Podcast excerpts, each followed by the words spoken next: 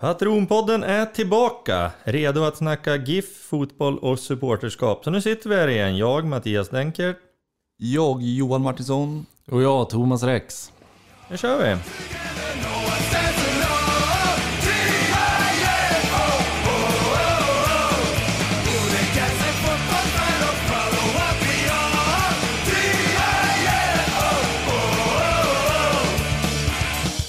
Dagens tankesmedja tänkte vi skulle handla lite grann om en sak som alltid är aktuell i de här tiderna på året, nämligen medlemskap.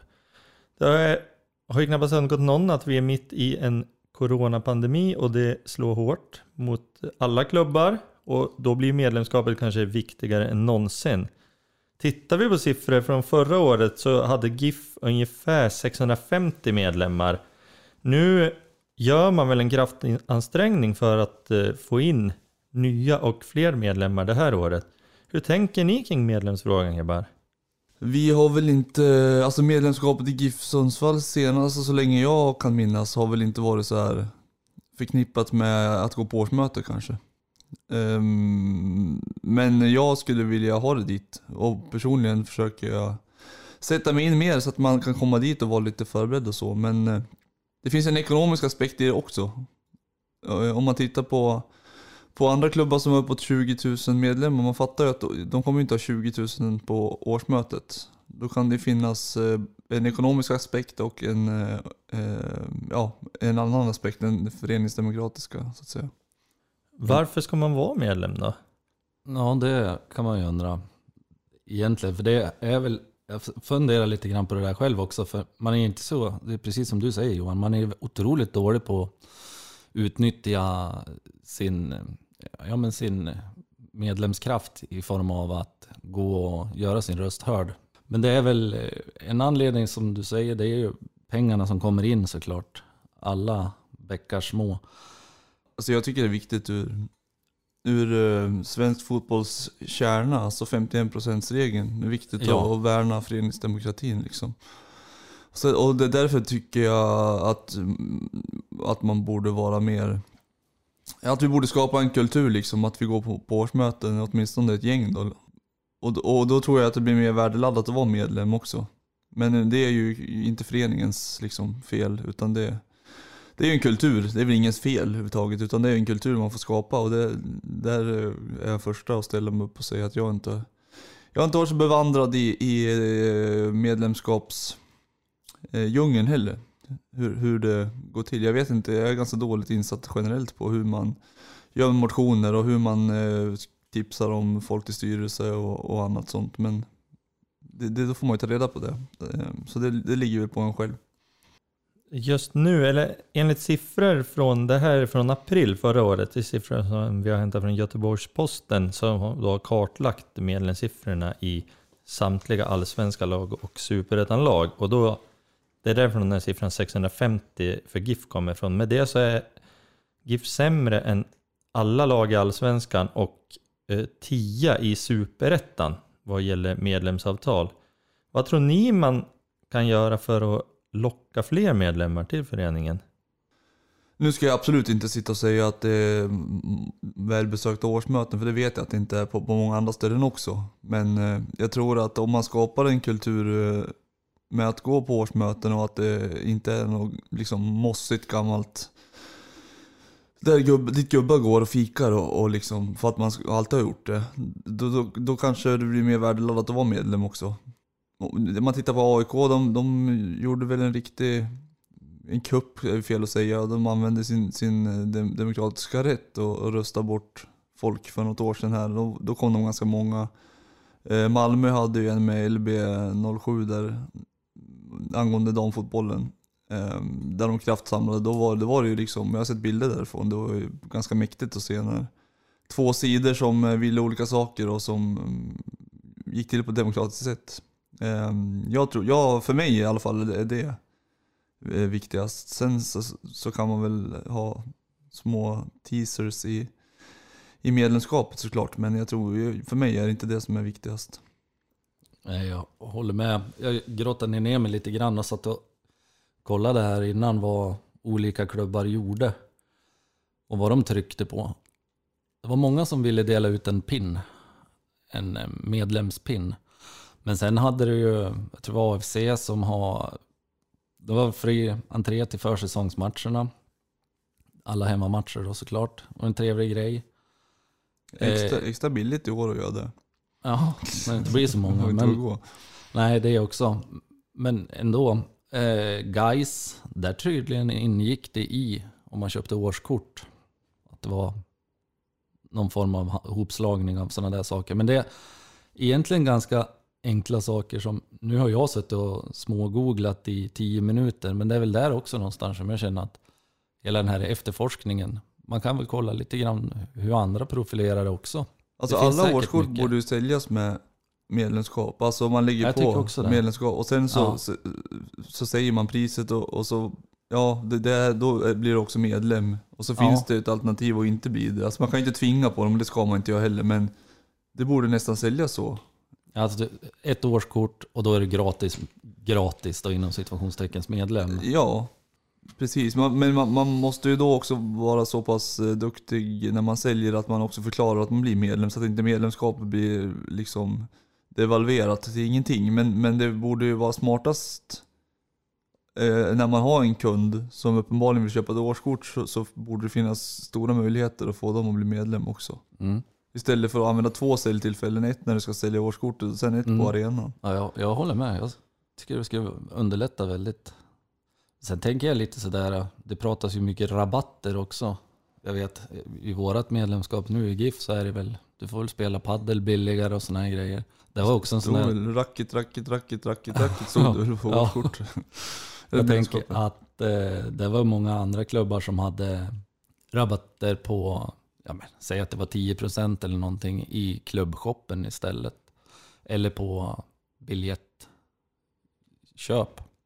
Det kan väl jag kanske personligen då känna skulle locka mig mer än att få en 25% på en biltvätt.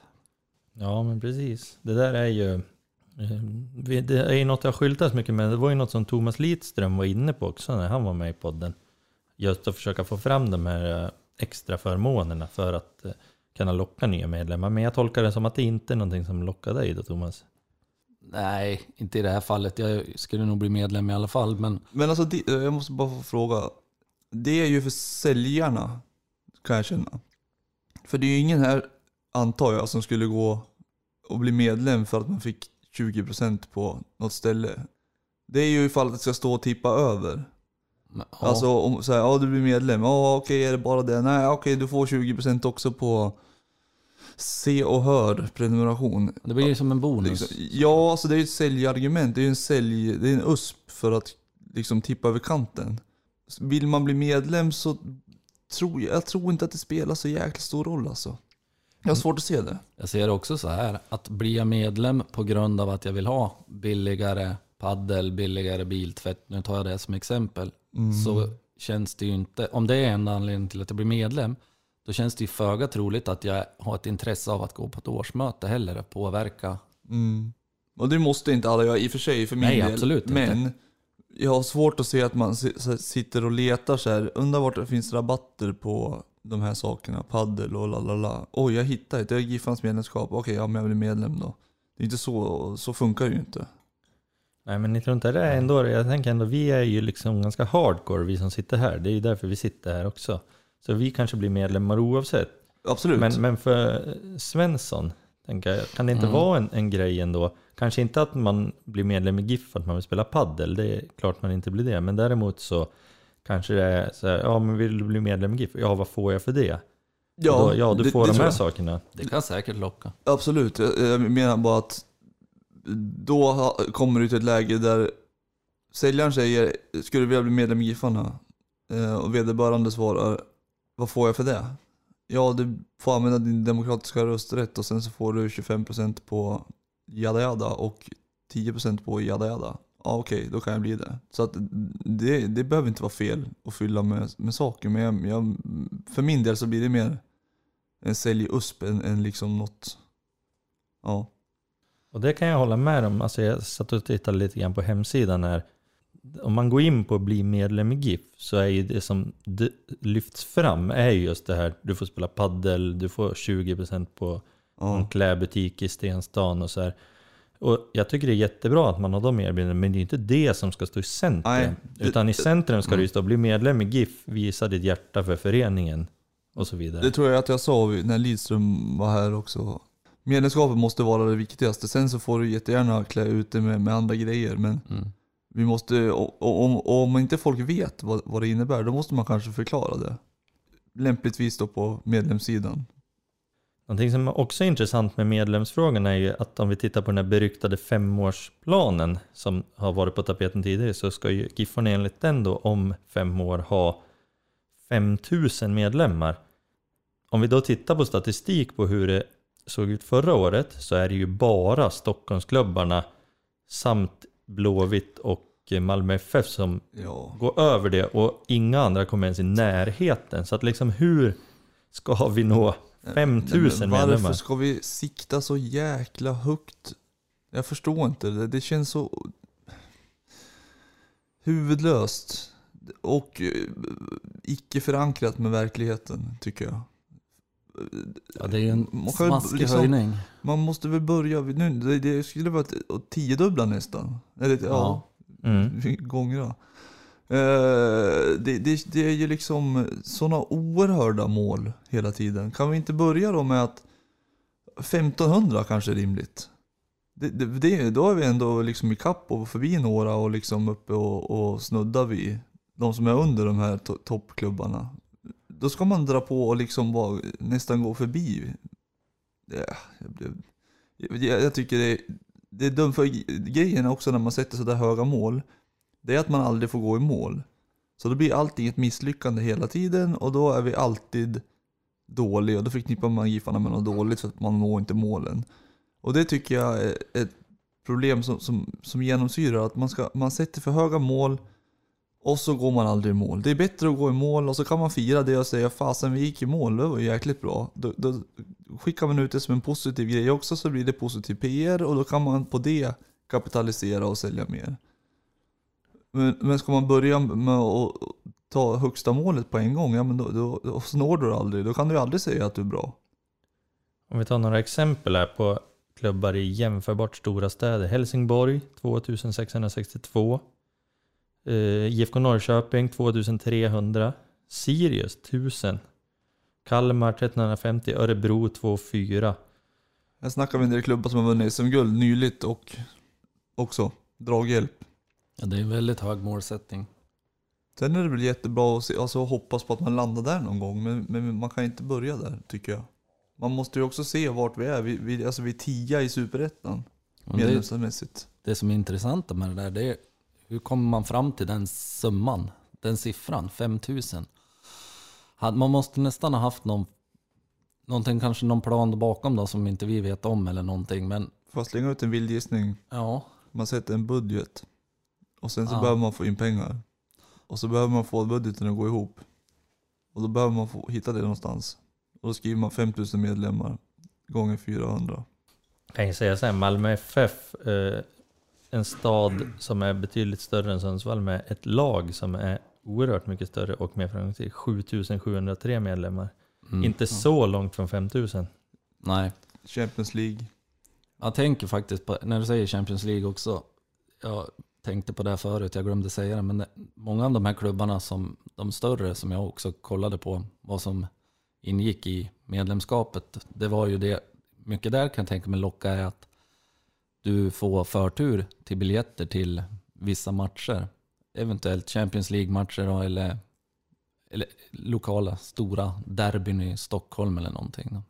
Det hade Det kunnat vara. Östersund, Östersundsmatchen när vi såg Ja. slut på den. Det hade kunnat vara en sån grej liksom Absolut. för oss. Jag tänkte på den då också faktiskt, att den Mm. skulle kunna vara med. Nu är vi, var vi väl inte riktigt där på sista matcherna. Var det väl inte samma. När vi spelmässigt låg lite sämre. Men alltså när det var som mest tryck på dem, då var, då var det ju huggsexa. Det, var ju, det är så man vill att det ska vara. Men Mm. man får ju börja liksom nysta där, där man är. Men lös, biljett, eller lös medlemskap och du har förtur till Östersundsmatchen. Hade kunnat vara en bra, bra slogan när man såg att det började bli.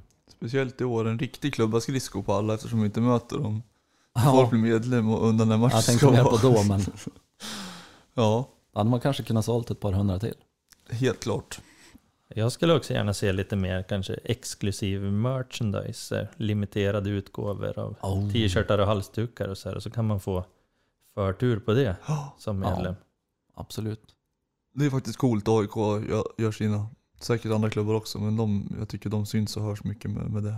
Och jag gillar den där pin-idén också. Jag, jag, Ja. Fränt. En liten pin. Gillar du att kila runt med pin? Ja, Det gör du. pinkod. Du har en pin-aura.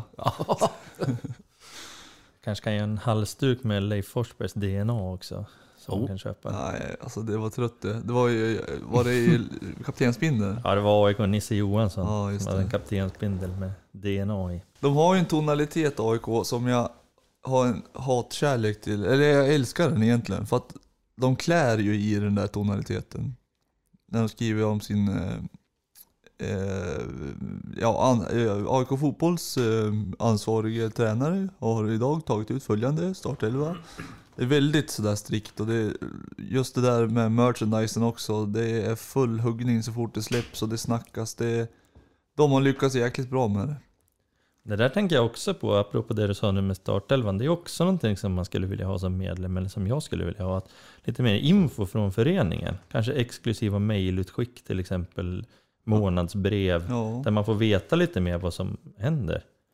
Det, det är väl precis sånt man kan fylla medlemskapet i. Som också gör det exklusivt, man får bättre inblick och så bygger man också att det är en förening. Det är liksom det är viktiga saker som avhandlas och det är årsmöten där det ska tas upp saker som ska gälla i föreningen. Och det är lite som man, man möter folk när man har varit och röstat i, i valen. När de säger Ja, du- ska du rösta? Ja. Annars får man inte sitta och klaga sen. Och det har man ju gjort alla år, klagat på Mm. massa saker. Men om man inte går på årsmötena så, så har man ju egentligen ingen rätt att klaga. Nej, Fast det det skulle ju göra att jag sparkar undan fötterna på mig själv. Men apropå årsmöte, och du har ju pratat mycket om det Johan, att det är viktigt att gå på årsmöte och så här för att man kan motionera och så här. Vad skulle ni vilja motionera om då? Drömmotion på nästa årsmöte? Ja, jag skulle vilja motionera bort försäsongströjorna. Här råder det delade meningar. Ja, du jag tycker ju om dem. Ja, jag tycker om dem. Det är Jag gillar dem. helt- men det är inte, inte som inte ordinarie någonting. tröja. Ja, men det är ju inte någonting GIF i grejerna. Men Det är gult och blått. Har Ja, men det är fel våra- blå färg, det är Ja, fel men- gul färg, det är... Men vi är gul och blå. Vi är inte vit och blå. För det här, får man ju, det här kommer man ju få skit för. för att Jo, men det det, är ska så du vitt ha och också. blått. jag tycker om dem. Nej, de är Norrlandslaget. hemska. Det är hemska tröjor, jag blir arg när jag ser dem. Då gör vi så här då Johan, att eh, nu ska vi inte ta i hand, men vi armbågar på att eh, till nästa årsmöte, då skriver du en motion. Om Mm. att bort med de där tröjorna. Mm. Vill jag se den på Absolut. årsmöte. Nej, men vi Ja, kanske, Utöva din demokratiska rätt. Kan vi man, kanske kan kan man, lova här och nu att vi i Patronpodden är delaktiga på nästa årsmöte. mm, Låter bra. det tycker jag. Annars får vi sitta här med skägg. Långt skägg i brevlåda. Men hörni grabbar, nu måste vi ringa här. Ja men ring då. Ja. Ring Borås. Hej Emily. Hej, Emelie Hultin. Ja, det stämmer bra. Hej, det var Mattias, Thomas och Johan här från Patronpodden. Hej hej! God dagens. God dag. Hur är läget? Det är bara bra. Skönt att höra. Ny ordförande i Gulliganerna är det vi pratar Ja. med. Det stämmer bra det.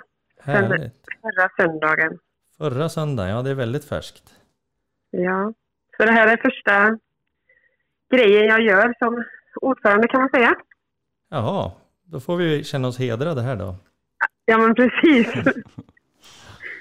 Hörde, vi sitter här och pratar lite supporterskap och medlemsfrågor framför allt.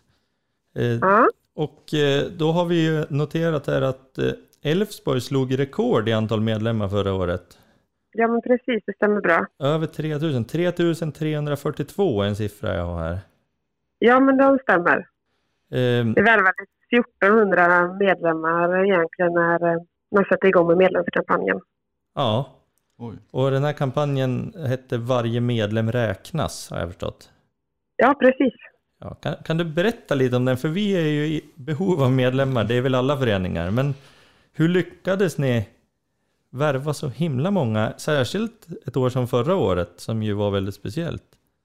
Ja, nu var inte jag med i styrelsen då, men eh, som utomstående så har jag pratat lite också med de som var med så handlade det väl mycket om att många hörde av sig och frågade hur man kunde bidra.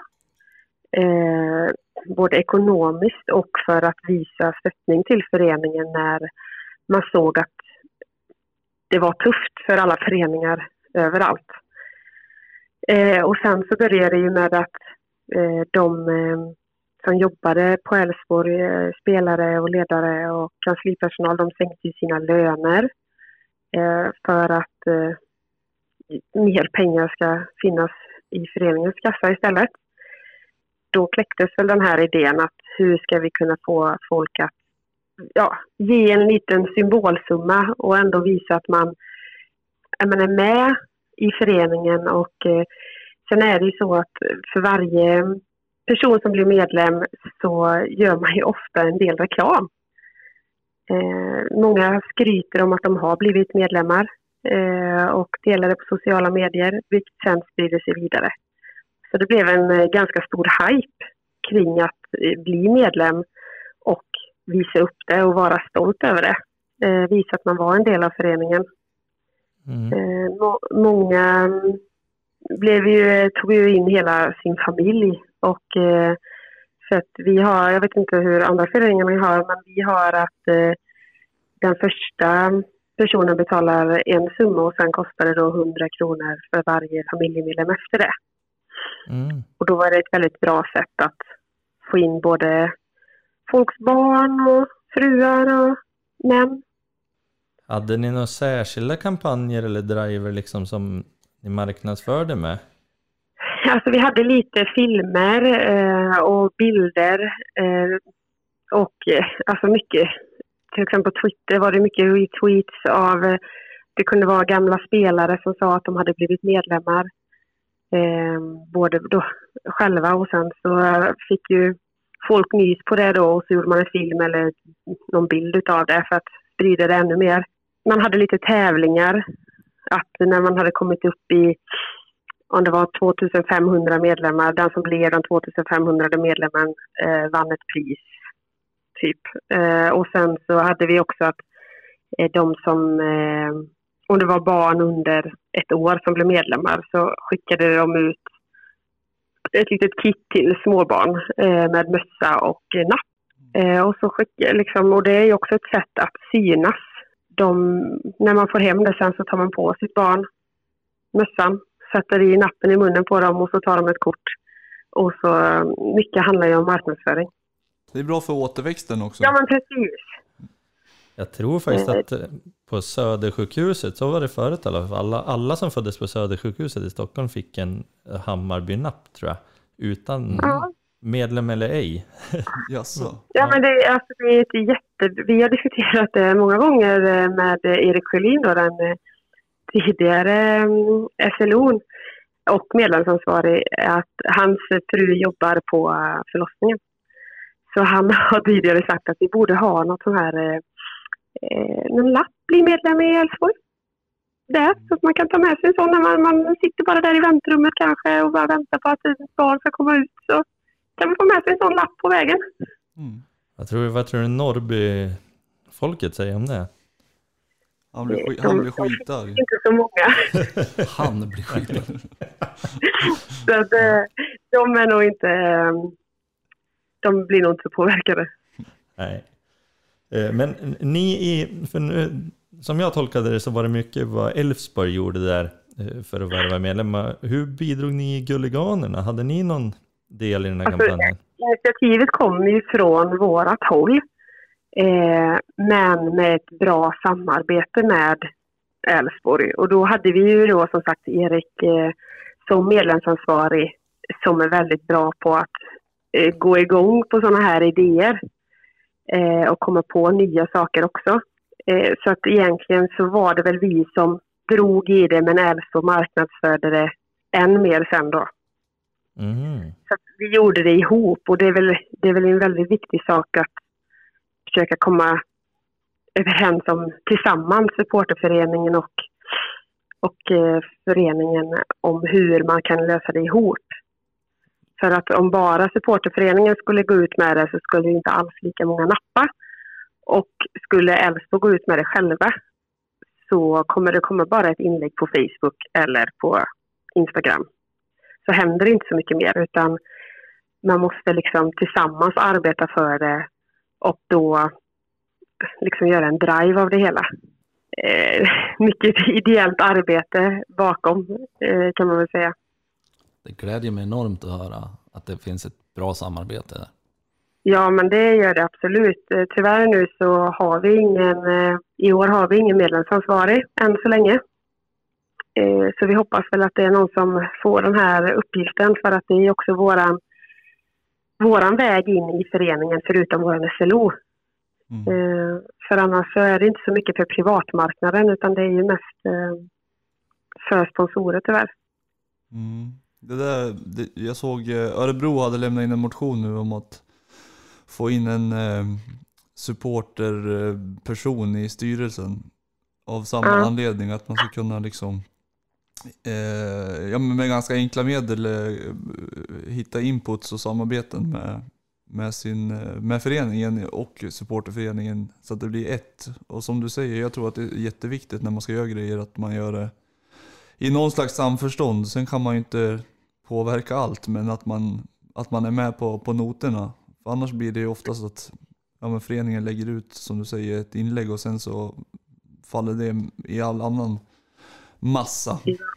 Eller och de tror, alltså föreningar tror väl ofta också att, eh, att det räcker. Mm. Att om jag lägger ut det här så undrar man varför händer ingenting? Mm. Nej, att man har liksom inte den stora massan med sig som hjälper till och driver detta i bakgrunden. Exakt. Eh, sen så för våran del så vi har en väldigt tät kontakt med vår förening och eh, skulle egentligen kanske inte behöva någon i styrelsen just för, för den saken. Eh, utan eh, vi har supporterråd som vi har en gång i månaden där vi pratar, har möten med Älvsborg med olika personer som mm. olika ämnen och vi, vi får ofta komma till tals när det gäller olika, alltså säsongskort och medlemmar och eh, tankar om Älvsborgsläktaren och så. Så att mm. vårt samarbete har fungerat väldigt bra. Sen är vi inte alltid överens, men eh, det, mm. det hade väl varit konstigt det också. Ja, det är säkert väldigt olika i, beroende på hur man, vart man är som förening och, och sådär, eh, vad som behövs.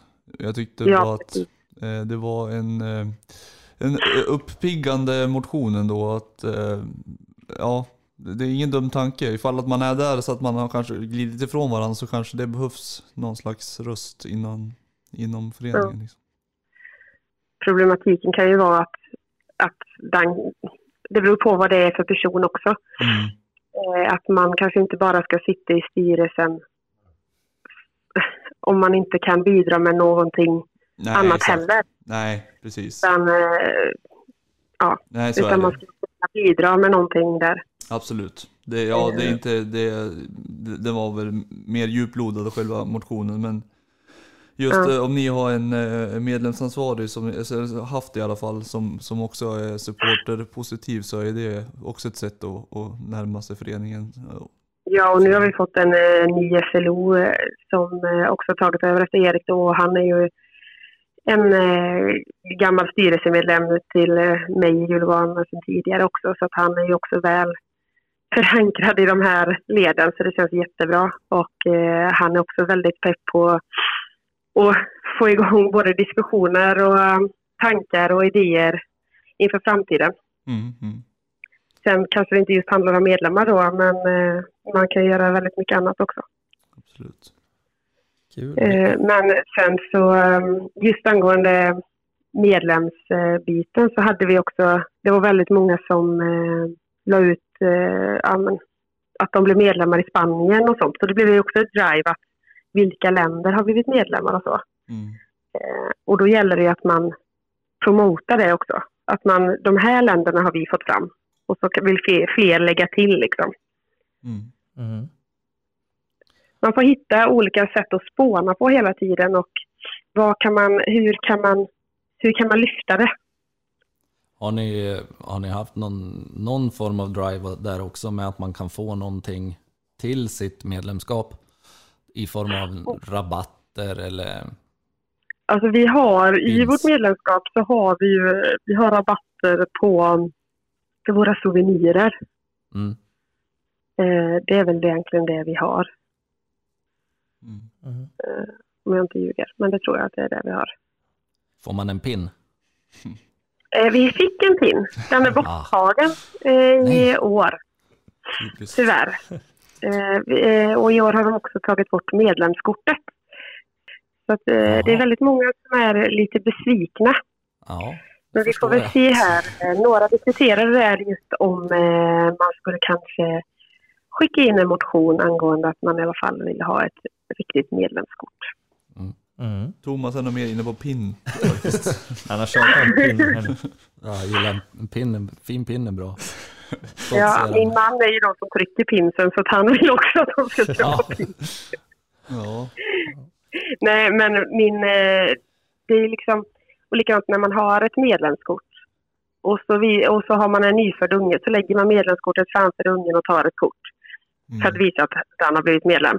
Eh, nu kommer det inte... Min dotter som var, är snart sex år, hon frågade i år varför inte hon fick något medlemskort och varför skulle hon då vara medlem, frågade hon. Mm. Mm. Mm. För Mm. hon fick ingenting. Vi fick eh, en bild på telefonen Mm. att, ja, men att jag var medlem, men barn fick inte det. För de har ju ingen telefon att skicka, skicka det till liksom. Det är nästan bra att ha något visuellt ändå, alltså ha något riktigt som går att ta i på något vis. Kan jag Ja, säga. många tror att det är eh, onödigt. Mm.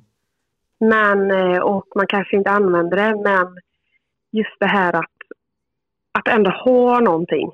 Mm. Alltså många samlar på det, både det och på pinsen som då har kommit. Vi har haft eh, ett nytt varje år då sedan tidigt 2000-tal. Någon gång tror jag det är. Mm. Eh, så att eh, det är väldigt, eh, det är samlarobjekt. Ja, Och sen eh, att ha i sin plånbok, nu tycker man väl då att många har väl inte plånbok längre men ja, Ja, tänk jag tycker ändå att man borde ha ett medlemskort.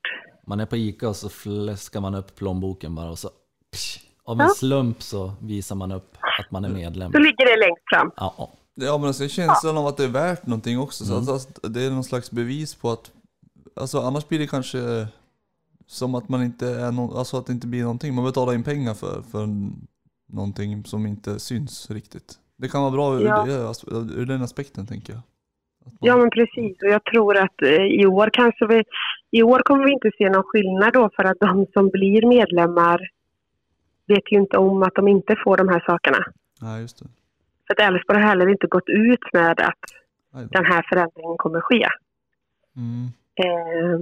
Vilket man hade kanske uppskattat. Ja. Eh, men det är egentligen inte innan nästa år som eh, vi kommer se om det har blivit någon effekt på att inte ha medlemskort eller pins. Ja, just det. Mm. Då ringer vi då. Men vi kan väl hoppas Ja. på att någon skickar in en motion och så eh, blir det medlemskort redan i år. Är det något du sitter och smygfilar på hemma på? Ah, både ja och nej, men jag känner att jag har lite annat att syssla med som nybliven ordförande faktiskt. men mannen sitter och filar på en motion om pins i alla fall. Ja, det gör han säkert. Jag tror jag borde ringa och prata med honom lite. Jag gör det. Det mycket. Specialavsnitt, Thomas pratar pins. Du, jag, Du, han är med alla dagar i veckan. jag tänkte höra också bara här till sist. Nu ska ju inte vi mötas i år tyvärr. Eh, Nej. För oss tyvärr framför allt. Men eh, har du något minne från någon match mot Giffarna som du kommer ihåg? Eh, vi, eh, ja.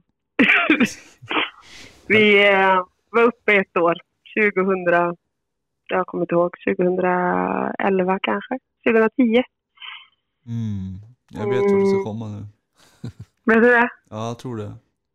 Eh, och vi gjorde ett besök på arenan innan. Och så var det någon som satte upp ett klistermärke eh, på ribban. Och eh, hela matchen dagen efter så sitter klistermärket uppe. Eh, och i slutet så tror jag Giffarna får en, ett jätteskott rakt på klistermärket. Så vi kände ändå att vi var en del av räddningen. Ja, det visste jag inte. Jag trodde det var den eh, Anders Svensson sa att det var det största rånet i svensk fotbollshistoria. Jag Ja, nej. Ja. Det var senare. Sådana saker jag. kommer inte jag ihåg. Men Nej. det- alltså den sitter på ribban under matchen. Ja, Dom, hela matchen. domaren kontrollerade inte. Ser Det är Nej. jättekonstigt. Klistermärket är illegult. I och för sig, allsvenska domare ska man inte ha så höga förväntningar på att de ska se ett klistermärke. Nej, men det är verkligen helt kul. Och ganska, men 10 gånger 10 centimeter. Så att eh, det är ett under att det inte syns ska jag säga. Vi på bortasektionen såg det till andra sidan, men vi visste ju också att det satt där. Så att, Sy- Syntes det i tv? ja. Men eh, hur, hur slutade matchen då? Men du vet, sådana där saker minns jag inte. Okej. Jag kommer ihåg att det var en trevlig bortamatch. Ja, men det låter bra. Det är där man ligger i nivå. Ja, det brukar vara så. Men, eh, och nu är det ju, eh, ni kom ju, jag har er rad där, 12, 8, 2 de tre senaste åren. Kan det stämma? Ja. Ja, så att nu är det liksom, om det ska gå åt det hållet så blir det väl SM-guld då nu 2021. Ja, man kan ju hoppas. Och eh, skulle det bli det så hoppas jag verkligen inte folk på läktaren så att vi kan få fira också. Jag skulle vilja Ja. ställa en liten fråga här. Giffarna har idag, vad, vad sa vi, 640 hade vi i fjol medlemmar. 650 medlemmar. Oj, ja 650. Och eh, jag har kommit fram till en femårsplan här också. Med att eh, när den är om fem år så ska vi ha 5000 medlemmar. Har du, vad, vad skulle du ha för råd åt GIF Sundsvall hur de ska nå det målet? Ja, sänka målen. Ja, Det var vad vi var inne på ja. också faktiskt. Ja, men alltså, vi pratar mycket om det här med milstolpar. Att man liksom, ja men når vi, som då när vi kom upp i de här 3342, att ja, men när vi nådde 2500 då var det ett mål och sen var nästa mål 2600. Mm. Alltså att säga att man ska, alltså 4 500 nästan på fem år, det, det är ju mycket. Exakt. En kraftig ökning. Det är väldigt lätt att säga, då måste man ju också ha en eh, bra plan bakom det hela. Men jag tror att det är viktigt att liksom försöka, men vad har vi för mål längs vägen? Alltså att se 5000, så ni hör ju på mig, jag, för mig låter det som nästan en omöjlighet. Mm. Eh, Ja, det är dubbelt så mycket som som att säga att vi Juliganerna skulle bli 5000 om fem år. Det hoppas jag ju alla dagar i veckan. Vi ligger på 500 medlemmar ungefär. Mm. Men det är kanske inte heller realistiskt. Nej men så får man aldrig fira segrarna heller. Om man säger tusen och så når man det, då kan man ju fira det och sen kan man sikta på nästa. Men om man Ja men precis, man måste ju ha 5000. någonting att fira också. Eller Exakt. liksom att fan vad bra vi är, vi har lyckats med detta målet. Nu kör vi efter nästa mål. Ja, Ja, det firas för lite här uppe i Sundsvall i alla fall. Det kan ja. Ja, ja, ja, men det är viktigt att fira. Ja. Mm, det är det. Det vore kul att fira Och liksom känna att man är bra. Mm, För att lyckas man inte med de här 5000, exakt. då blir det ju väldigt besvikelse istället. Men man ska ju satsa, högt. Men eh, som sagt, milstolpar är eh, bra att ha. Vi hade ju också sådana här eh, eh, men typ diagram eller liksom så, så att man kunde följa hela tiden när det blev fler medlemmar. Eh, för folk vill ju också se hur det utvecklas. Det tror jag på. Men tack så hemskt mycket Emelie för att du tog dig tid att vara med här. Verkligen. Tack Och själv. Vi säger lycka till i år och så hoppas vi att vi ses 2022. Det får vi se. Ja, det får vi. I så fall hoppas jag att det är ni som kommer upp. Ja, det hoppas vi också. Där är vi helt överens. Ja. Ja, Ja. det är bra. Tack ska du ha. Ha det så bra. Tack Ja, så tack mycket. detsamma. Hej, hej. Hej. Tanken med den här podden var ju att göra ungefär ett, ett avsnitt i månaden och nu har det gått bara lite drygt en vecka sedan senast. Men det händer så himla mycket nu så vi kunde inte låta bli att spela in ett till avsnitt när vi fick eh, ytterligare ett bekant nyförvärv och ytterligare en gäst här i podden. Välkommen Robert Lundström. Tack så mycket, roligt att vara här. Hur är läget? Läget är bra. Det har varit lite hektiska dagar nu på sen söndags. Eh, det blev klart där med eh, på kvällen sent och jag var hemma i Stockholm då så Giffarna ville gärna ha upp mig på träningen redan måndag så jag satt mig i bilen på söndag på kvällen och körde upp till eh, till Sundsvall och det har inte blivit så mycket sömn men jag har hunnit med nu två dagar, två träningar så det känns bra att vara igång igen. Vad tycker du? Har du skapat bil- någon bild av laget? Ja, alltså det är ju som sagt, det är väldigt eh, kort tid jag varit här men eh, man har ju lite koll på gubbarna sen innan och man eh, ser att det är mycket kvalitet på träningarna och jag måste säga att jag är imponerad av de unga grabbarna. Det känns som att det är mycket kvalitet där som, eh, som skulle kunna bli något riktigt bra. Du säger att du har, har lite koll på killarna. Man har ju kunnat sett dig på läktaren med jämna mellanrum även under den tid du har varit borta från klubben.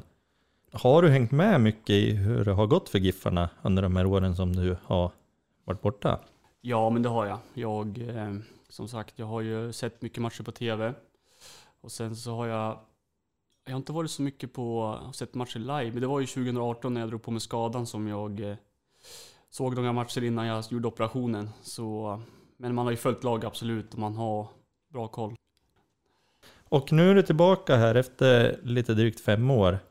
Kommer du ihåg eh, senast du stod på plan i en GIF-tröja? Eh, Jag kan hinta om att det var 3 augusti 2015. Ja, det var väl mot Hammarby hemma eh, som var min sista match där, som vi vann med 3-0 tror jag. Jajamän. Rätt bra avslut åtminstone. Som sagt 3-0 mot Hammarby. Ja, precis. Nej, men det var väl en liten tradition när vi mötte Hammarby att vi oftast inte förlorade i alla fall. Jag tror vi har bra, hade bra facit mot dem. Där i Superettan när vi hade många matcher mot varandra. Och, Eh, det var i Allsvenskan då, men eh, ja, det, det, det var ett väldigt bra avslut och det kändes skönt att avsluta på ett sånt vis när man skulle vidare till Norge då. då. Och nu har det som sagt gått lite drygt fem år och du har varit i Oslo en sväng och i Stockholm AIK. Eh, Vålerengen i Oslo. Eh, vad skulle du säga, vilken är den största skillnaden mellan Robban Lundström som försvann 2015 och den som kommer tillbaka nu 2021? Den största skillnaden är väl att man har samlat på sig mer erfarenhet skulle jag säga. Man har ju blivit många år äldre och eh, man har ju spelat i två klubbar. Vi hade som mål att bli ett topplag där i Norge men lyckades väl inte riktigt eh, det sportsliga. Vi blev väl ett mittenlag och, och eh, sådär. Men sen så i AIK så har man ju haft mycket press på sig. Det är ju en jävla press att spela i den här klubben och man förväntas att vinna varje match och Dessvärre så vinner de inte så guld så ofta, men man lyckades i alla fall vara med om det. Så det är, det är en stor, stor merit och en, eh, någonting man kommer med sig hela livet. Så. Vad, vad minns du från den säsongen? Ja, Jag minns ju att jag eh, fick en väldigt bra start. Jag tror jag inte kunde ha fått en eh, bättre start i klubben. Och de matcherna jag hann med så tror jag jag var inblandad i de flesta målen och låg bakom mycket i anfallsspel. Och sen så fick jag ju en väldigt eh, dålig skada i, i dålig timing och eh, ja, det är någonting, det, liksom, det kändes som, ja, ja, någonting bara vändes upp och ner och det blev, ja, det var tufft den tiden. Han du spela så pass mycket? Fick du någon medalj? Jag har en medalj hemma så jag fick en medalj ja. Eh, nej men för mig, du har ju alltid varit en, en, eh, en lag, eh, alltså laglojal spelare. Alltså, dels mot Giffarna, men sen också, det känns som att du har fattat grejen också. Och jag vill minnas att du gjorde mål första matchen i AIK va? Mm, det stämmer. Det var premiären, hemmapremiären som jag gjorde mål. Så var det ja. Och då, då springer du eh, mot en läktare. ja, jag tycker att det är häftigt på ett sätt. Eller jag tycker att det är häftigt för att det är, det känns som att du gör det så genuint. Alltså det känns inte liksom påklistrat eller det känns verkligen som att du, när du är i en klubb så fattar du eh, vad som gäller. Du är väldigt duktig på att ta in liksom vad, och, och läsa på. Och det, det kändes som att det var det var medvetet fast, fast genuint. Stäm, stämmer det? Eller har jag... Ja, nej men som du säger, det är klart att man... Jag visste ju att de där grabbarna stod där i hörnan och eh, det var ju så roligt för dagen efter, eller två dagar efter, så sa ju Rickard Norling, visste vilka som stod där? Och liksom alla gjorde bara en rolig grej. Man, man trodde att jag inte visste liksom så mycket om AIK och det är klart att man, man har ju följt eh, AIK, det har ju varit liksom, man har ju sett mycket derbyn och Mm. man har ju bra koll på klubben och Ja, men det, det var ju sån jävla känsla när man gjorde det där målet och liksom fick öppna säsongen med första målet. Och, så det var ju som en värsta... Ja, det var ju en, det var en jävla känsla helt enkelt. Ja, jag tyckte just det där fastnade. Jag har aldrig frågat dig om det, men nu fick jag göra det. Ja, Var det ett eh, misslyckat inlägg eller var det ett skott i första? Nej, det var ett skott. Ja. Jag hade haft ett skojar. Jag hade, jag hade, nej, det är många som har sagt det också. Det var ett inlägg. Nej, men jag, hade, jag minns jag hade så då, många inlägg där i starten av, av matchen och jag tänkte att nu så avlossar jag och det blev ju ett bra beslut. Var det Eskilstuna? Nej, vilka fasen? Dalkurd var det. Dalkurd, var ja, jag visste att det var något säck. Ja. ja, Stensson kanske lyssnar. Stensson Ja. kanske var där. Eh, Förlåt. Nej, det var, han var i serie D då eller någonting. I Italien. Ja, okej. Jag kommer ihåg också från, eh, från Guldfesten, någon Insta-story. Ja, det var mycket Efter Insta. midnatt, du och Micke Lustig. Yes. Jag tror det stod GIF 2023. 22 var det. 22, nu är det Ja, 21. 21. Så att du kom ett år tidigare. Ja, precis. Eh, Ja, det var, det var rätt timing nu så det blev så istället. Men när kommer han då? Ja, jag tänkte säga det. Ja, nästa år då förstås. Ska Ja. han till Umeå kanske? Ja, exakt. Ja, det var härligt. Division 1000. Men nu då, eh, det var den 5 februari, så, då gick AIK ut med att det blir ingen förlängning för dig Precis. i den klubben. Och eh, några dagar senare sen så presenterades du för Giffarna. Hur eh, gick tankarna kring ny klubb? Var det självklart att det skulle bli GIF eller fanns det fler bud eller hur? Nej, alltså hela, hela januari så... Det var lite oklart med AIK. De hade lite tankar på hur de, hur de resonerade med, med eh, att satsa på ungt eller om de skulle... Ja men liksom, de, hade, de har Mikael Lustig där nu som, som de ser som nummer ett och det är klart att han är ju ganska lite äldre nu också så han... Eh, det var liksom tanken ifall de skulle stärka upp med någon rutinerad bakom honom eller ifall de skulle satsa på ungt och och de eh, resonerade väl att de ville satsa yngre nu och eh, så det blev ju ingenting där i AIK. Men sen såklart att man hade tankar på utland och eh, vad det nu skulle vara liksom. Så det är klart att det fanns eh, intresse och lite bud så. Men eh, ingenting som eh, jag tyckte var, var tillräckligt bra. Så att det blev liksom nu på slutet när när Giffarna hörde av sig och erbjöd kontrakt för det var ju bara en vecka sedan de gjorde det så det gick ju ganska fort då. Mm. Och då såg jag här på Instagram, än en gång, det är mycket Instagram här. Du hade lagt ut en bild för någon dag sedan bara med, det stod Home. Och Yes. så ett blått hjärta. Ja, det var igår tror jag. Igår var Ja. det till och med. Ja.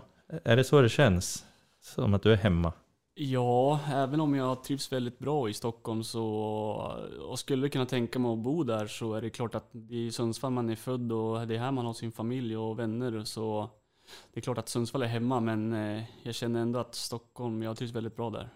Så, men Sundsvall är hemma. Påverkade det någonting när, att Linus, när du såg att Linus hade skrivit på? Vi var inne och frågade lite om Linus med det när han var i podden. Ja, men vi hade ju en, vi har ju haft kontakt många år nu. Vi som sagt, vi är bra vänner och vi har ju sagt eh, flera år att vi ska spela tillsammans igen. Och det är klart att eh, när Linus skrev på så var det ett enklare beslut att skriva på själv också. Så det känns väldigt roligt att vara, få spela med han igen. Jag tror det var 2009 senast. Det var min debut när jag kom upp på A-laget som, som jag spelade med han senast. Så det är ett par år sedan. Mm. Jag tror även att det var David Myrestams debutsäsong också. Eh, ja, Samma år. stämmer. Ja. stämmer. N- när blev du högerback? För du var väl, jag vill minnas dig som offensiv som ung. Mm, jag, var, jag gjorde min debut som högerback när eh, Billy Berntsson då 2009 mot Norrköping borta tror jag det var. Blev skadad och då fick jag besked om att jag skulle starta. Så det, jag började som högerback och gjorde någon match där men sen så kom Billy tillbaka och då flyttade jag upp på, som högerytter. Just det. Och gjorde väl ganska många matcher. Jag tror jag gjorde typ 20 matcher den första säsongen. Och eh, det är klart att det var väldigt varierande, varierande nivå i prestationerna. Men eh, det var, jag fick en bra start just med spel, speltiden. Fick jag mycket speltid av Åkerby. Billy Berntsson sprang jag på för två år sedan på Malta på en kickboxningsfestival. Nej. Den mest intressanta frågan är ju här vad du gjorde på kickboxningsfestival. Ja, det undrar jag också. Jag skulle hälsa på några kompisar där och då hade de boka bord där. Och då, då är Billy Berntsson där. Hälsade till Ja. folk i Sundsvall då. Malta är ju känd annars för kickboxning. Ja, och för eh, begränsad fotbolls... Eh, alltså fotbollsligan är Ja. inte jättebra alltså. Han, han spelar ju igen där. Då i alla fall. Ja, precis. Jag minns att han Korgi. flyttade dit. Så uh, vi var ju där på träningsläger 2009, på tal om Malta. Så det var speciellt, men det var, ja. Men eh, Linus sa det, ni har spelat upp 2009 var det Mm. Ni har lirat ihop innan också, eller hur? Ja, vi är lika gamla och vi har ju spelat i, i Kuben. då var vi ju 12-13 år. Och sen gick vi till Giffarna då, när vi var ja, men 13-14. Och spelade i, ja, men, i lag där. Så vi har ju spelat mycket tillsammans när vi var yngre. Mm. Fick en annan flytta på sig. När de där kom. Ja, Martinsson var också med då, på den tiden. Ja, var, var, jag måste ju säga att det var, det var lovande då. ja, ja, tack. Nej men det, det säger jag. Det, var, var, det gick mycket på, på vilja. Ja, och målsnoken. Ja. Sen upptäckte han långburk. Ja, exakt. Den är fin. Men du, har du någon anekdot där Robban? Kanske någon gammal Mittnorden Cup eller något när du har tunnlat Martinsson eller någonting? När ni var i olika lag? Har jag För han en- gillar att dra upp gamla kupper och så här tydligen. Jag har final i lilla VM där vi vann med 1-0. Ja, Andreas Dahlström gjorde Ja, det är precis det. Du hade en lilla VM också Ja, alltså? vi vann två år i rad. Året efter vann vi med 6-2 mot Alnö i finalen. Då gjorde jag hattrick första fem minuterna. Ja, Ja. där ser man. Ja, han var ju och hackade på Hallenius här om några Ånäscupen 97. 97. Så jag Ja. Ja, jag har ett roligt minne med Linus när vi mötte IFK Sundsvall. Det här är, ja, jag vet inte hur gamla vi var, men vi förlorade matchen med 9-7 och Linus gjorde 9 mål. Eh, Så att det var, det var han som Ja, han var IFK. han var IFK. Just det. Alltså när han försvann, då, då kan ju inte IFK ha vunnit en match. Nej, För jag minns Han- inte dem som bra alls. nej, jag kan inte heller minnas så mycket, men jag minns i alla fall att han, han var helt överlägsen. Ja, han var, han var bra. Men eh, nu är både du och Linus tillbaka. Mm. Eh, och eh, vad tror du att det betyder för en klubb så här att ni är ju två spelare som har haft framgångsrika karriärer i andra klubbar nu och väljer att komma tillbaka till Giffarna. Jag tror själv att det kan betyda för de här yngre spelarna i laget. Kan ni göra skillnad där? Ja, men, men som sagt, man har ju samlat på sig nu mycket erfarenhet och man eh, har varit eh, ute i, eh, inte, i no, inte i, utanför Norden, men man har varit i två klubbar, i alla fall jag, som, eh, som jag anser är väldigt bra, och framförallt AIK. Så det är klart att man har samlat på sig rutin, erfarenhet och man kan nog eh, lära de unga spelarna ett och annat. Och det är som sagt, jag vill försöka att hjälpa dem så mycket som möjligt nu för att eh, jag tror att eh, det kan, eh, men jag tror man kan bidra mycket till dem helt enkelt.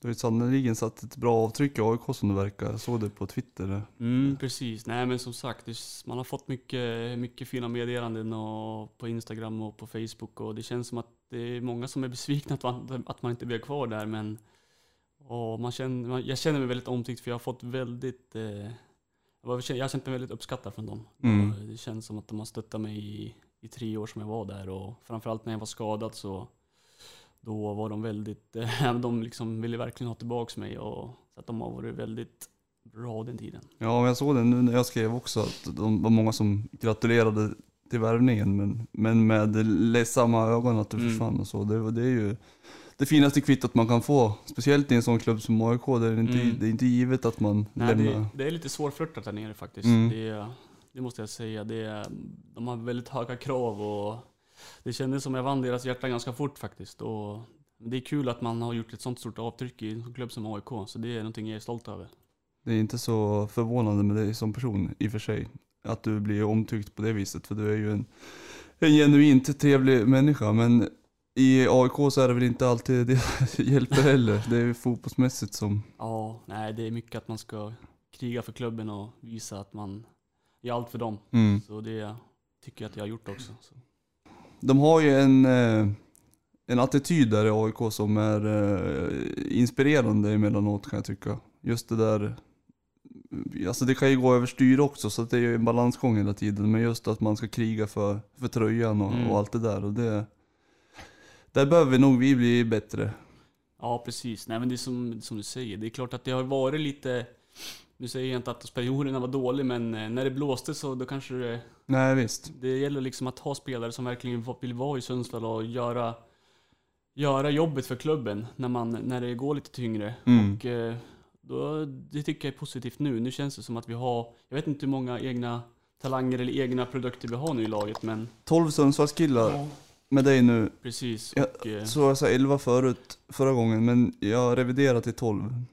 Och nu blir det 18 då, eller 19 från Norrland.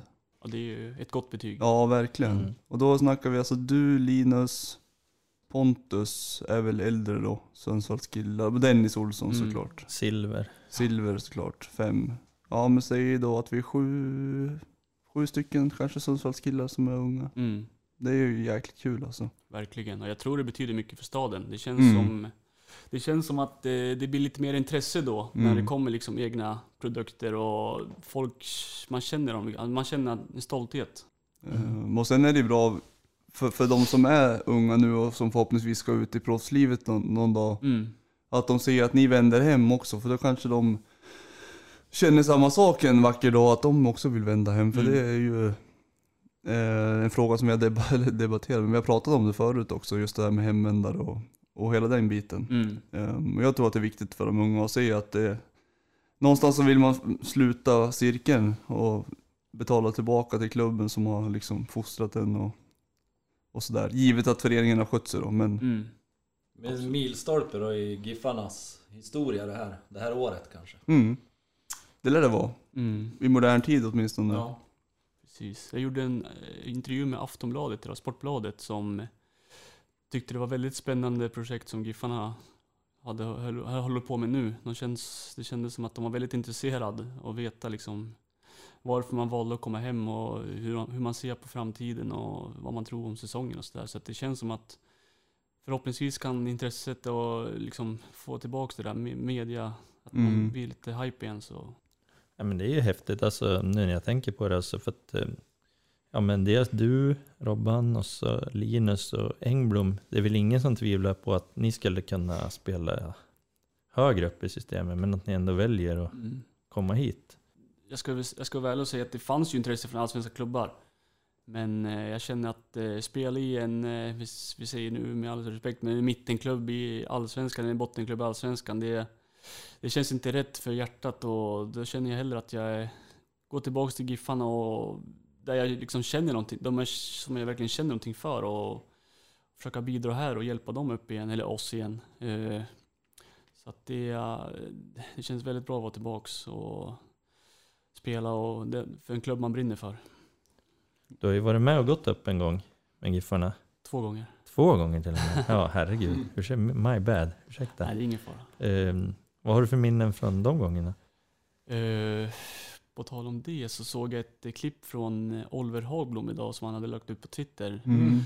Såg det 2000 också. 2011 mot Jönköping borta som jag trodde att vi hade misslyckats och gått upp. För Mm. att vi förlorade den matchen och sen var det lite snack om att eh, Ängelholm tror jag det var som hade vunnit mot Hammarby eller lika eller vad det var. Sebastian Bojasin. Yes. Mm. Bayern avgör i slutet va? Ja, 1-1 tror jag. Ja. jag tror de klarar, sig klarar sig kvar. kvar. Ja. Slapp kvala. Mm. Och det, då minns jag att jag efter slutsignalen när vi hade torskat, jag var så jävla besviken och Mm. visste inte vart jag skulle ta vägen. Och sen så får man ett besked lite fort därpå och eh, hör någonting att vi är klar och det blir som en chock. Man blir, man blir i extas. Så man Ja. springer bort mot patronerna och firar som en dåre. Och, nej men det var en mäktig känsla. Men det är då vi åker ur direkt sen 2012. 12. Ja. Trots att vi hade ju så här 3-0 mot Göteborg, tappade Mm. 3-3 vid AIK. Såg ju jättefint ut i mitten av säsongen. Ja, Ja. visst. Och sen bara föll allting. Precis. Men sen gick vi upp igen då 2014 14. ja. Så blir det, precis. Och då var det ju Landskrona hemma vi hade, sista matchen. 0-0. 0-0 matchen. Andrew. Stradler. Ja, jag minns då första, första halvleken hade vi massvis med chanser. Det var stolpe och det var ribba och Ja, det, var, det. det. var fulltryck mot deras mål. Och så länge det står 0-0 så kan ju allt hända. Så man var ju, visst när man spelar så tänker man inte på det. Och de var tvungna att vinna tror jag för att Ja, de åkte ur. också. Ja, Så det var ju liksom, vi räckte med en poäng för oss. just För det. att gå upp. Och de var tvungna att vinna. Så var det. Så, men det var ju samma där. Det var, det var fullsatt på, på heter det Norrporten då? Ja, du gjorde det nog. Och eh, det, var, det var ju mäktigt att gå, gå upp på hemmaplan. Förutom bortastå, där jag har en tweet där det står att eh, Landskrona hade skickat döden från sjunde inseglet. Han står i svart och vitt med någon slags kåpa. Det ser fi, alltså det är helt sjukt ut. En person som viftar med en flagga, det såg verkligen ut som Ja. döden. Ja. Det Nej, såg jag klipp på Youtube på den där firandet idag också Mm, faktiskt. Det precis. var rätt mäktigt att se Norrporten Mm. full, Mm. full fräs på läktaren också. Mm. Full fräs. Runar var igång. Och Giffen gjorde frivolter. Ja, och tappade mask. Jag minns att det var kallt i alla fall. Men det var en rolig 0-0 match Ja, med facit i ja. hand. Precis, så nej, det är fina minnen härifrån. Eh, Men nu när, du har, nu när du har kommit tillbaka, nu är det ju mycket positivt med all rätt. Alltså kring laget och truppen och så här. Och det är många som verkar förvänta sig avancemang, eller åtminstone hoppas väldigt mycket på avancemang Mm. redan i år. Vad har du själv för förväntningar på kommande säsong? Ja, men, eh, mina, mina måls, min målsättning är väl att eh, försöka göra det så bra som möjligt och eh, bidra båda riktningar.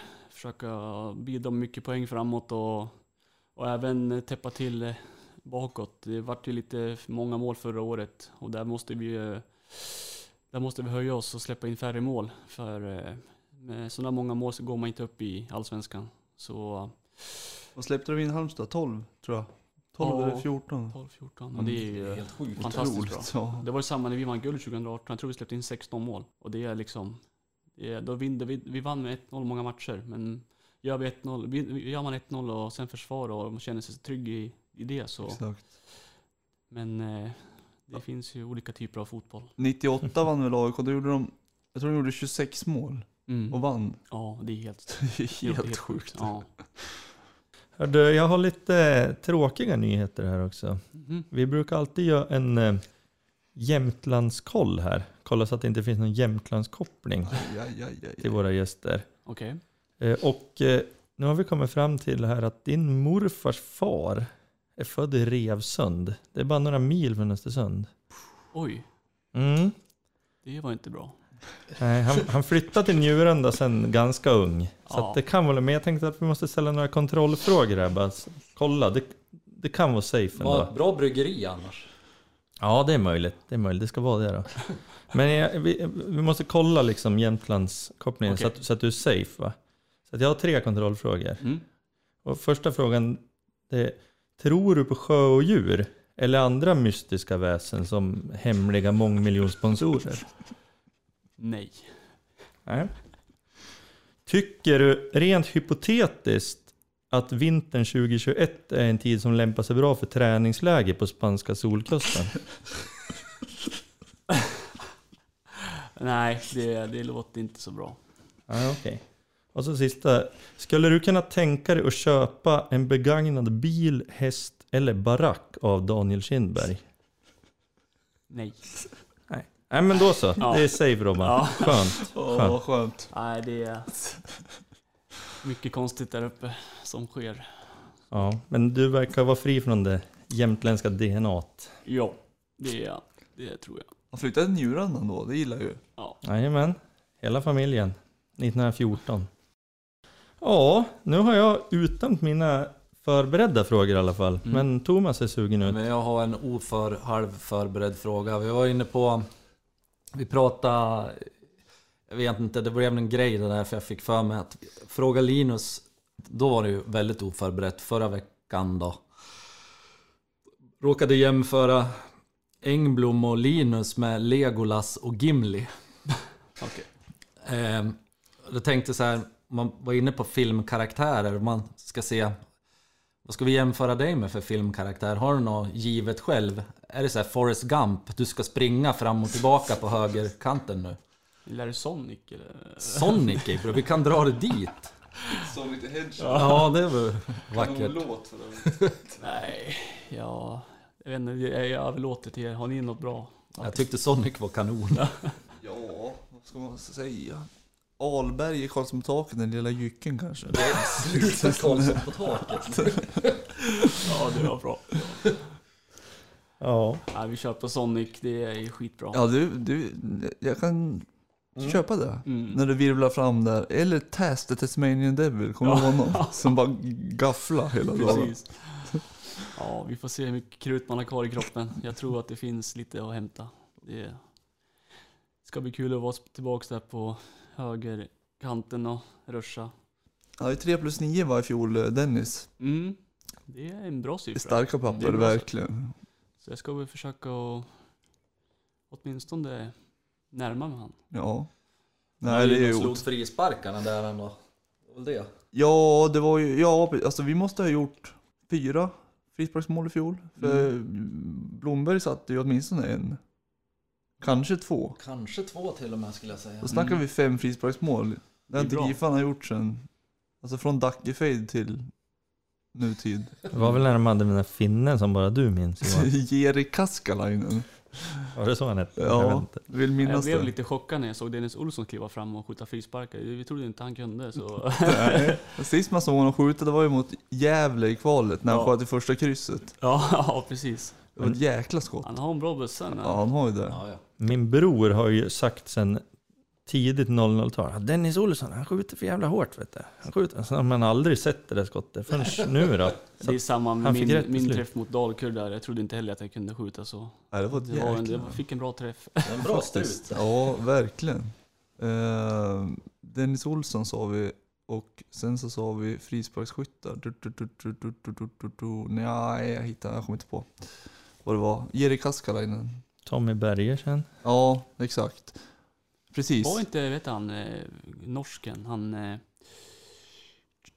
mittback. Tom Kåre. Tom Kåre. Jo, Hade inte han en bra fot? vilken fot. jo, jo. Han, har man, ju- han minns man ju några fina mål. Tvåfotaren Ja. som siste man också. Så hade vi Mats Barkemo. Också ja. bra, Barken. bra löd. Ja. Kommer du ihåg hans mål från halvplan mot eh, Trelleborg hemma? Mm. Touchade i och för sig på en gässa men gick ribba in. Det är Många fina minnen. Och sen Danken kom och sköt, han hade gjort ett mål i Bayern. Sköt markskott hela tiden. Precis. Dörnare kallar jag dem för. Ja, sorkdödare. Det. Nej, vi, jag är väldigt glad att du är tillbaka Robban. Det är eh, ur många aspekter. Dels att du är en, eh, för mig en, en av de största GIF-hjärtarna som jag har växt upp med. Ehm, och sen är du en duktig fotbollsspelare och en trevlig kille. Så att det känns eh, väldigt bra. Jag blev oerhört glad när det blev klart. Mm, tack så mycket, det värmer. Det värmer. Du har varit oerhört duktig på att vara tyst också när man har försökt att fråga dig saker. Det ska du hedra dig. ja, nej, men det, är det man har... Det enda folk har frågat om det är ju vad sker, vad händer, Ja, varför du fattar det. spelar? Så att det har varit så mycket frågor. Och så vet och- man inte själv ens. Nej men det är ju så, det är tuffa tider nu också med corona. Det är, Mm. klubbar, klubbar håller verkligen i pengar och Mm. liksom är noggrann i rekryteringarna. Så, så Mycket är, tunna trupper alltså. Verkligen, och man ser ju framförallt att klubbar generellt satsar yngre nu. Ja. För att eh, det är klart att det blir bättre ekonomiskt, både att de kan sälja spelare och det kostar ju mindre. Mm. Så absolut så har det blivit en föryngring i, i trupperna tror jag, generellt. Eh, det är väl så man tjänar pengar nu. Ja, det känns, alltså, det, det känns lite som att man skulle kunna jämföra alltså vårt läge nu med många unga. Mm. När du kom upp så kändes det också som att det var typ ja, men Berre och Mm. du och Christian Ek var väl uppe och spelade Precis, då och sådär. Ja, det, det var mycket ungt då, men som sagt, som jag sa i starten här, att eh, det är många duktiga spelare som, eh, som är unga. Jag vet inte hur gamla de är grabbarna. Alltså Bengtsson var ju 16 i Ja. fjol då när han gjorde mål. Mm. Uh, han var väl en av de yngsta någonsin, om inte den yngsta. För han var den yngsta debutanten. Bör han ju rimligtvis ha varit den yngsta målskytten Ja, jag också. tror att han Mm. hade.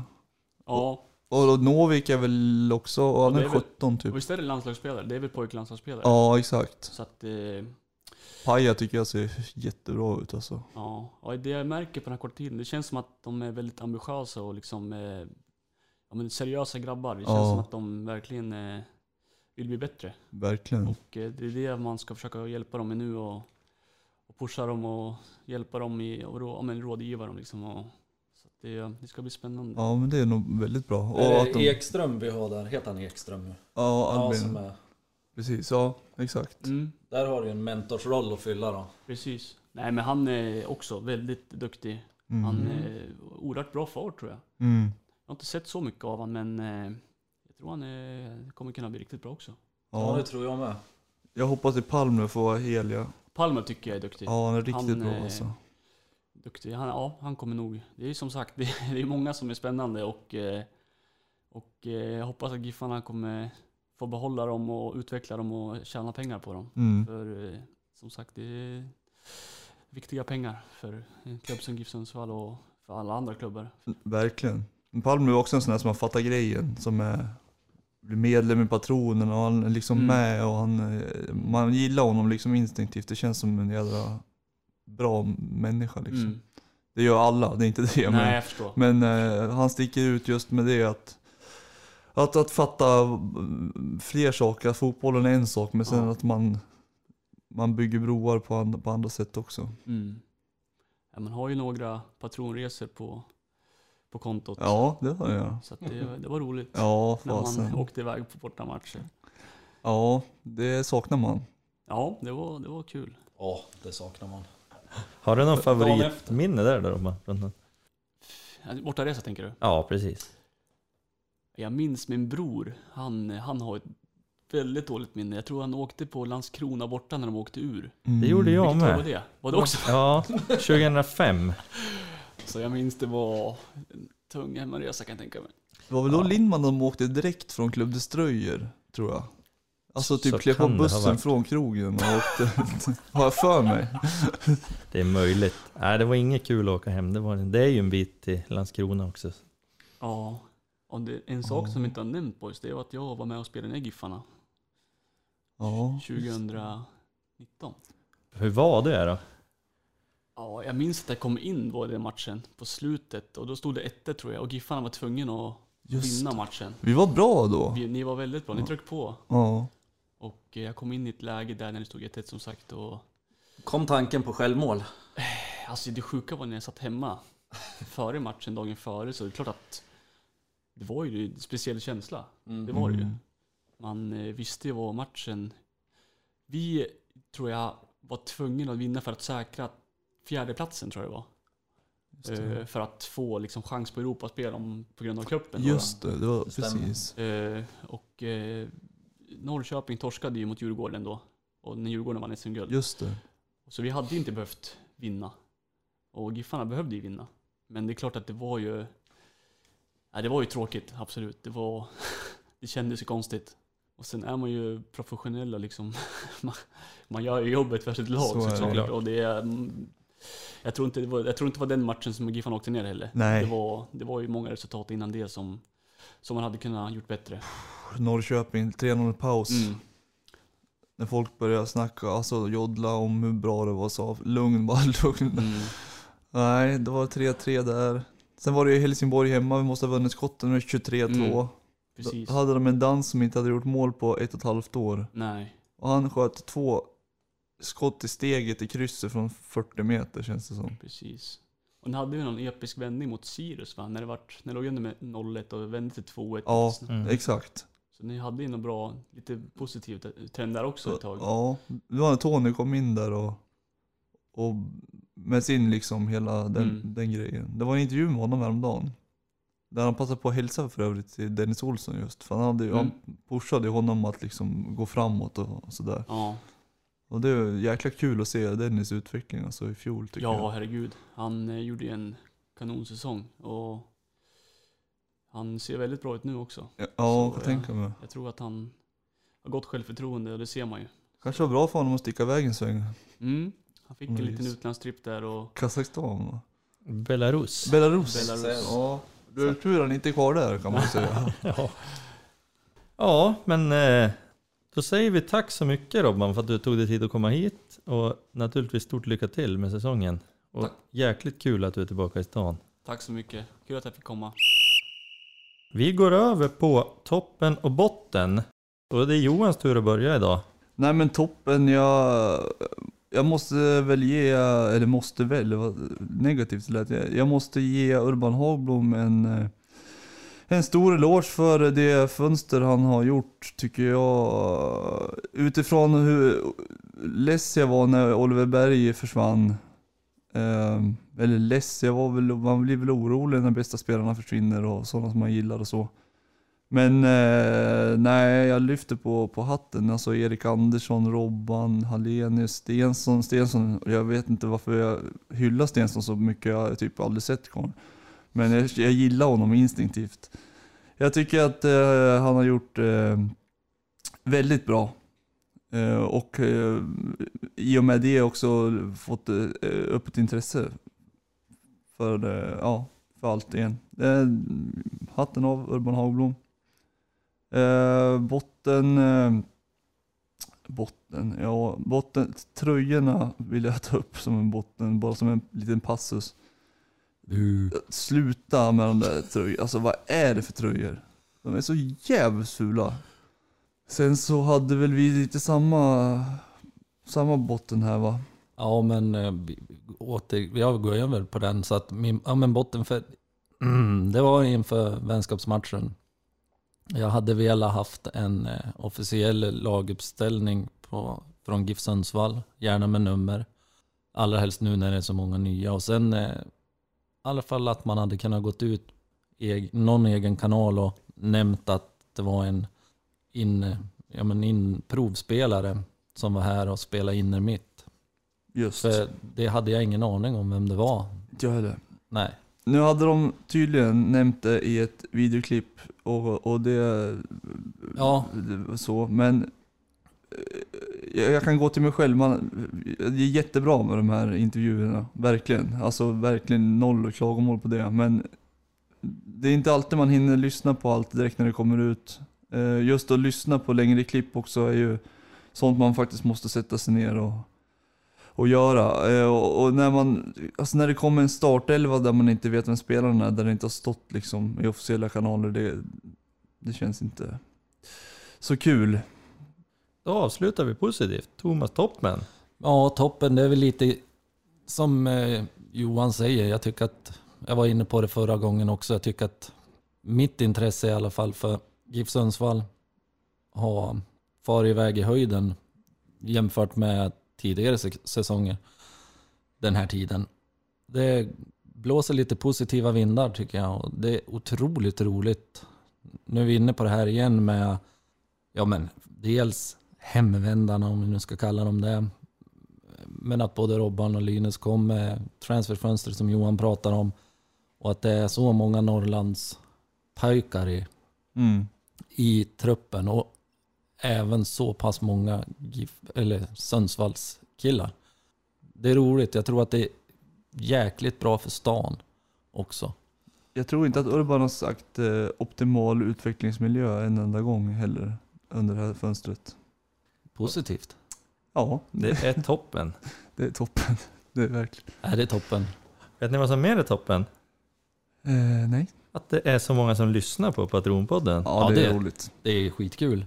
Det är kul. Så det hoppas vi att ni fortsätter med och vi tackar naturligtvis alla lyssnare. Vi finns på Spotify, vi finns på Podbean. Det var väl allt för idag. Så att jag Mm. säger eh, tack och hej från mig. Thomas och Johan. Tack, tack. Tack så mycket. Tack eh, Emelie och tack eh, Robban Lundström som tog sig tid att komma hit. Ha det bra allihop. Vi hörs när vi hörs. Hej. Hej då.